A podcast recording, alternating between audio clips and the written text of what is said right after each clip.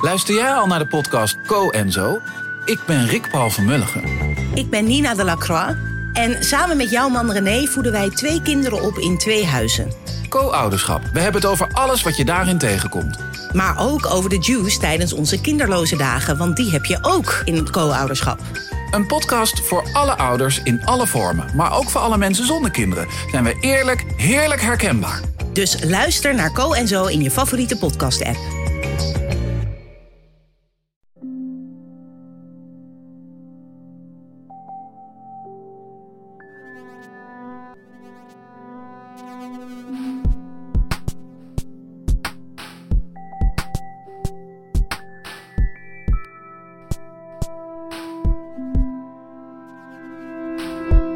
Hallo, ik ben Pieter van Relaas. In Relaas krijg je waargebeurde verhalen en die worden verteld door de mensen die ze zelf hebben meegemaakt. Mensen vertellen graag over zotte reizen die ze maken of over die ene keer dat ze iets onwaarschijnlijks is overkomen. Wel, dit verhaal gaat over familie. Iets dat voor iedereen hopelijk heel dichtbij en heel tastbaar is. Iets wat de meesten onder ons een warm gevoel geeft. Maar ook in families zijn er soms obstakels waar je moet mee omgaan. En toch is het daar waar vaak de mooiste verhalen zitten. Katelijne is een van onze verhalencoaches. Ze is ook de trekkende kracht achter onze relaasvertelavonden in Antwerpen.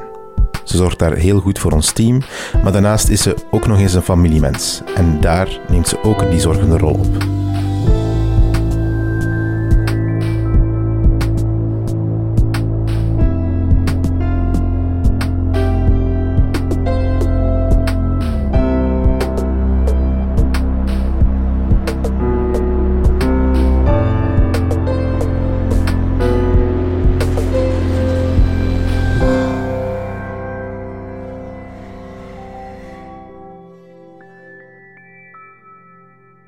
heb ooit eens een bord op het hoofd van mijn zus kapot geslagen. Dat zit zo. We hadden vroeger de afspraak thuis dat, wij, eh, dat mijn moeder de afwas deed na het eten en dat twee van de drie kinderen moesten helpen met afdrogen. En die ene avond, ik zal een jaar of acht of tien geweest zijn, was ik aan de beurt met mijn middelste zus Meerte. Mijn moeder is een hele snelle afwasser. Dus die was klaar en die zegt: Ik ga vast in de living zitten met een kopje koffie. Maken jullie het af? Goed, dat doen wij. Maar mijn zus was traag. Heel traag. En ik irriteerde me daar mateloos aan. Dus ik begon een beetje op haar te zakkeren. Kom op, Meert, schiet eens op. Ik moet hier niet alles alleen doen, hè? Kom op nu, doe nu eens door. Ik heb hier al drie borden gedaan en jij nog maar één. Kom op nu. En zo ging dat door. En ik werd bozer en bozer. Tot dat moment dat ik een bord in mijn hand had. En ik het verloor. Als je nu niet opschiet, dan sla ik dit bord op je kop kapot. Bam! Daar lag het bord in scherven op de grond. Meert en ik hebben er twee seconden naar staan kijken. En zijn toen allebei keihard beginnen krijsen. Mijn moeder was natuurlijk wel wat geschrokken van dat lawaai. Dus die heeft haar kopje koffie weer neergezet. Is snel naar de keuken gekomen. En vanaf dan weet ik eigenlijk niet meer hoe het is afgelopen. Ik weet niet of ik straf heb gekregen. Of Meerte nog door moest gaan met de afwas. Ik weet alleen dat dit verhaal wel zo de rond te blijven doen in onze familie. Een ander voorval met Meerte dat ik me ook nog goed herinner is een eh, paar jaar later, ik zal een jaar of vijftien zijn geweest, en mijn ouders waren weg. Dus ik ging koken. Als 15-jarige maak je niet iets heel speciaals, dus het zal een uh, spaghetti bolognese of zo geweest zijn. Maar voor mij was dat eigenlijk wel zo hè, een, een drie sterren Michelin maaltijd die ik daar had gemaakt. Ik heb mijn best gedaan, bloed, zweet en tranen had mij dat gekost. Ik zet de pannen op tafel, de tafel is gedekt en ik roep Meerte. Meert, kom je eten?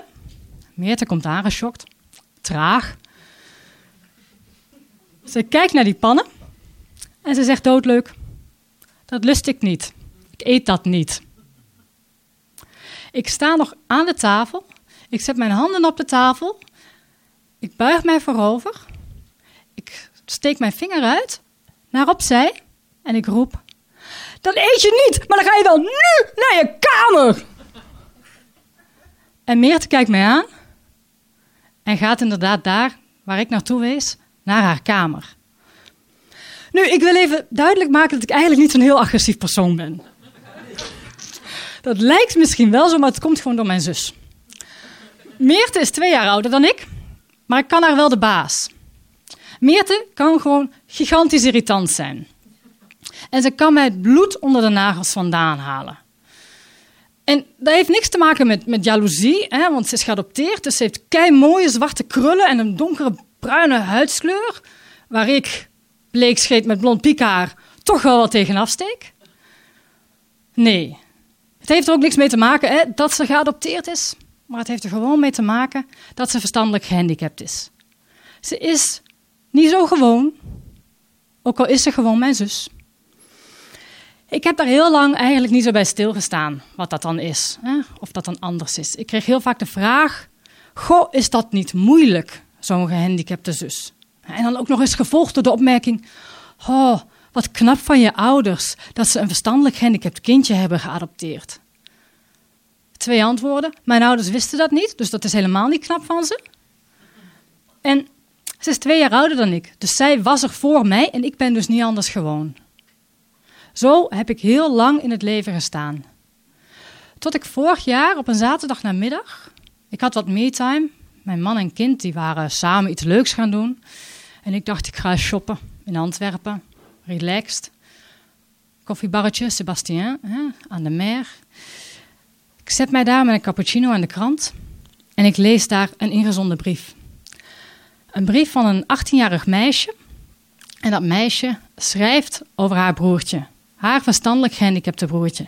En het gaat eigenlijk over het M-decreet. Dat is die, uh, die wetgeving waarbij het gaat over inclusief onderwijs, hè, buitengewoon onderwijs, buitengewone kinderen die in het reguliere onderwijs zoveel mogelijk moeten blijven zitten en zo min mogelijk naar het bijzonder onderwijs moeten gaan. Want dat is goed voor de integratie. En zij schrijft daarover en zij schrijft dat ze zo blij is dat haar broertje wel naar het bijzonder onderwijs is gegaan, omdat hij daardoor is kunnen opgroeien tot het buitengewone kind dat hij is, met zijn eigen talenten, die niet zijn zoals die van de rest, maar die er wel zijn. En ik las die brief en de tranen stroomden over mijn wangen. Want ineens dacht ik, ja, dat is eigenlijk wel zo. En dat meisje, 18 jaar, zo jong, verwoordde de liefde voor haar broertje zo mooi dat ik niet anders kon dan daar zitten, midden in die koffiebar, met de tranen op mijn wangen. Zij omschrijft de zorg die zij voelt en heeft voor haar broertje zo mooi. En ik herkende dat zo hard. Zo herinner ik me die keer dat wij um, bij mijn opa en oma gingen logeren. Met ons drieën, mijn oudste zus, Meert en ik. En Meert zal een jaar of tien geweest zijn. En zij kon haar veters nog niet strikken. Nu hadden wij een hele strenge oma. Zo eentje waarvan we ons beschuit met mes en vork moesten eten. Maar ook die vond dat je alles wat je zelf kunt doen, zelf moet doen. Je moet geen hulp aanvaarden. Dus wij mochten Meerte niet helpen met haar veters strikken. Ze was tien, dus ze kon dat best zelf. Ik weet niet wie er op dat moment verdrietiger was. Mijn zusje, omdat ze haar veters niet gestrikt kreeg, of wij, die daarop stonden te kijken, machteloos en niks mogen doen. Op dat moment wil je voor je zusje zorgen. Ik heb die brief gelezen en ik uh, heb op dat moment mijn gsm gepakt en ik heb mijn ouders de link naar het artikel gestuurd. En de vraag gesteld: Mam, pap, vinden jullie het goed als ik mijn verhaal daarover eens vertel? Want het is niet mijn verhaal, het is ons verhaal. En ik wil wel dat jullie dat oké vinden. Dat ik dat zomaar naar buiten breng. Want we hebben het er eigenlijk nooit over. En mijn moeder reageerde eigenlijk heel snel. Zij stuurde een mailtje terug. Aan de kant heel praktisch zoals ze is, over dat M-decreet en dat bijzonder onderwijs zo belangrijk is en dat het alleen maar gaat om bezuinigingen. Maar anderzijds ook met een hele mooie opmerking. Ze zei: Ja, vertel je verhaal, want ik ben eigenlijk wel benieuwd hoe je dat ervaren hebt. En of je niet het gevoel hebt gehad dat je aandacht tekort bent gekomen. Ik lees dat, nog altijd in die koffiebak, nog altijd met de tranen op mijn wang en ik denk: aandacht tekort gekomen. Goh, die vraag heb ik me nu eigenlijk nog nooit gesteld. ik heb eigenlijk altijd wel het gevoel gehad dat mijn ouders ons probeerden te ontlasten. Dat wij niet voor meer hoefden te zorgen. En natuurlijk ging dat niet altijd. Zo kan ik me die keer herinneren dat mijn ouders op een, uh, op een weekendje weggingen. En dat ze zeiden, hè, Katelijn en Meerte, mijn oudste zus was inmiddels op kot, jullie mogen thuis blijven. Um, hè, Meerte die eh, gaat naar oma, want Katelijn, jij hoeft niet voor Meerte te zorgen. Oké, maar ik ging Meerte wel naar oma brengen. In dit geval was de lieve oma. Die had ik gelukkig ook. Dus mijn ouders waren weg hè, en Meerte en ik gingen naar mijn oma. Koffertje mee, de bus naar het station. Anderhalf uur met de trein. Eén keer overstappen. Dan kom je aan op Arnhem Centraal, hè, station in Nederland. Dat was daar destijds een enorme bouwput, dus dat was iedere keer maar weer uitzoeken waar dat die bus stond die ons naar het dorpje van mijn oma zou brengen. Een half uur met de bus, het dorpje van mijn oma afstappen, tien minuten over zo'n bospaadje wandelen tot we bij mijn oma waren. Oké, wij doen dat. Ik zet Meerte daar af en wij gaan, uh, smiddags ga ik weer terug. Weer bospaadje, bus, anderhalf met de trein, één keer overstappen, bus en weer thuis. Prima, s'avonds chill, stoer, in mijn eentje thuis. Kijk, cool. De ochtend daarna gaat de telefoon. Het is met oma. Ik ben door mijn rug gegaan. Ik kan niet meer voor meer te zorgen. Kun je erop komen halen? Uh, ja, denk ik dan. Oké. Dus die ochtend, bus naar het station, anderhalve met de trein, een keer overstappen. Dit keer wist ik wel waar de bus naar het dorp stond. Half uur op de bus, bospaadje, meer te ophalen. Ondertussen nog een beetje voor mijn oma zorgen natuurlijk, want die moest ook eten hebben. En weer terug. Bospaadje, bus, trein, overstappen, bus, thuis. En ik kon dus de rest van de dagen dat mijn uh, ouders weg waren voor meer te zorgen. Maar mijn ouders hebben dat nooit zo bedoeld. Die hebben altijd geprobeerd om dat van ons weg te nemen. En natuurlijk heb ik wel eens een keer tegen mijn moeder geroepen dat ze niet meer van mij hield en dat ze nooit aandacht voor mij had. Maar ik denk dat iedere puber dat wel doet. Hm? En ik weet ook dat ik nog een keer heel boos ben geweest op een vriend van mij. Ik denk zelfs dat het op dat moment mijn lief was. Die organiseerde een feestje en ik kon niet, want ik moest thuis oppassen op Meerte. Dat was zeer uitzonderlijk, maar het was zo. En die jongen zegt: Jij kunt ook nooit. Je moet altijd op Meerte passen. Daarna was het mijn lief niet meer. Dat zorgen en dat ontlasten is eigenlijk altijd wel gebleven. En dat is nu misschien wel andersom. Ik ben nu 36 en ik probeer mijn ouders wel eens te ontlasten. Smeerte komt geregeld eens een weekendje bij ons logeren. De laatste keer was uh, in september.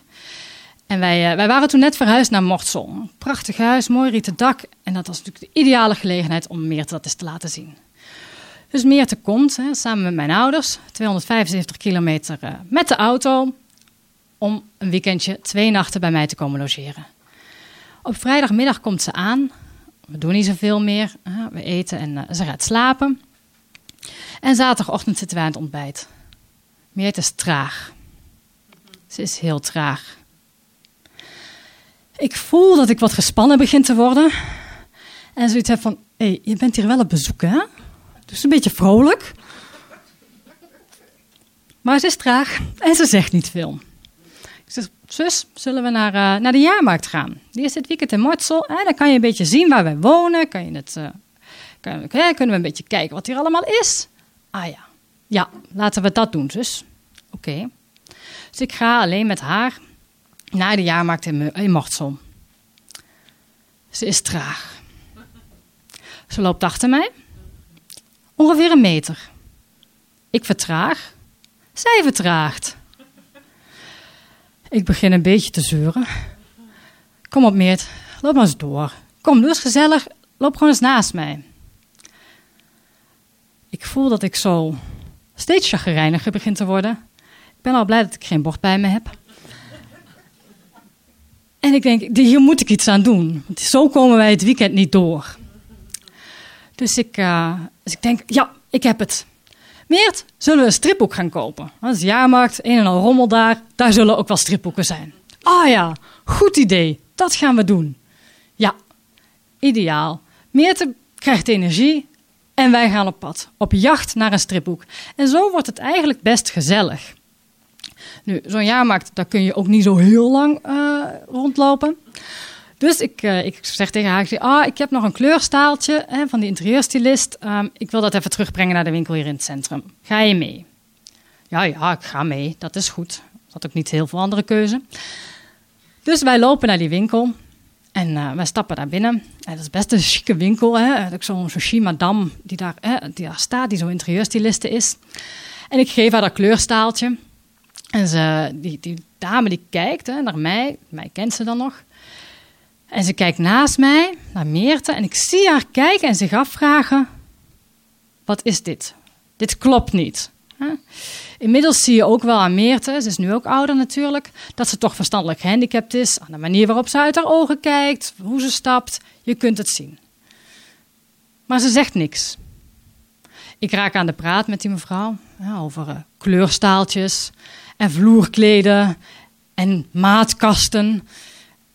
En ondertussen zit Meerte in een hoek van de zaak, in een stoel. Zitten is misschien een groot woord. Ze hangt er wat bij, beetje als een zoutzak, en ze zegt niks. Ze hangt, terwijl ik praat. En ik negeer dat ook eventjes. En dan komt er een moment. Een moment waarop ik terugdenk aan hoe het vroeger was. Toen wij vroeger klein waren, speelden wij op straat. Wij woonden nog in zo'n buurt waar weinig auto's waren en veel kinderen. Dus wij mochten op straat spelen. En dat deden wij ook heel veel. Als het mooi weer was, waren wij altijd buiten. Ticketje, verstoppertje, maar ook teamsporten. Voetbal, softbal. En bij een teamsport moet je een team kiezen. En als ik een team mocht kiezen, koos ik altijd eerst Meerte. Misschien als tweede, maar nooit als laatste. Sloeg eigenlijk nergens op, want ze kon niet snel rennen. Ze kende de regels niet. Een bal kon ze ook niet heel goed raken. Maar toch koos ik haar nooit als laatste. Mijn zus zat in mijn team. En het gekke was dat iedereen dat ook gewoon accepteerde. Ook al had je er niks aan in het spel. Ze hoorden er wel bij. En toen ik in die winkel zat bij die interieurstyliste, die Madame Chichi, die mijn zus negeerde, dacht ik: ho, dit klopt niet. En ik zei Meerte: kom anders eens kijken. Welke kleur van vloerkleed zou jij doen? En Meerte veert op, komt naar de tafel waar wij zaten en zegt: Oh, maar die vind ik mooi. Oh, maar dat zou ik niet doen, want dat vind ik niet zo mooi. Ah ja, hè? zegt ze tegen die mevrouw. Want ik kan dat heel goed. Ik heb uh, ook geholpen met het uitzoeken van de keuken. Ja, hè, Kat? Ja, Meerte, dat is waar. Dat heb je inderdaad. En op dat moment weet ik, mijn zus is niet gewoon, maar ze zit wel in mijn team.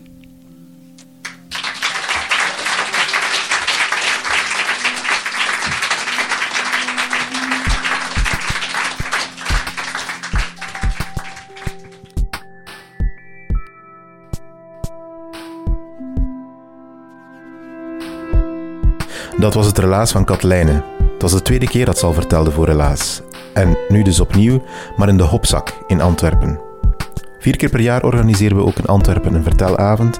Als je daar eens bij wil zijn, check dan onze website.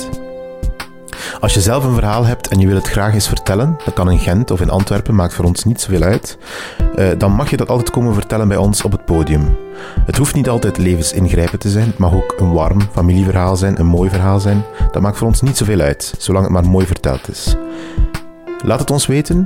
Laat een berichtje achter op onze website relaas.be en ons team gaat ermee aan de slag. Je krijgt een coach toegewezen en die coach helpt jou het verhaal te maken tot het helemaal goed zit. Relaas is er dankzij de stad Gent, dankzij de Vlaamse gemeenschap en dankzij een aantal vriendelijke partners van ons: REC, De Nopzak, Pulp Deluxe, Huzet, Urgent FM en Chase. Relaas is ook een hele groep enthousiaste verhalenliefhebbers. Ik noem ze eventjes op omdat ik dat heel belangrijk vind. Sarah de Smet, Edwin Gontier, Katlijne de Vries, Stefan Gruijaert, Sarah Tree, Timo van de Voorde, Lint Somers, Rick Merci, Anneleen Schelstraten, Marlin Michels, Ruby Bernabeu Plaus, Jurgen Strooband, Steve Konaar, Charlotte Huigen, Evita Nocent, Dieter van Huffel, Philip Cox, Silke Durie en ikzelf ben Pieter Blomme. En ik blijf het tot in de treuren herhalen en ik ga dat blijven doen, want het is zo belangrijk voor ons. Als je dit verhaal leuk, interessant of mooi vond, laat het ons dan zeker weten. Of stuur dit verhaal door naar één iemand waarvan je denkt: met dit verhaal ga ik aan mijn plezier kunnen doen.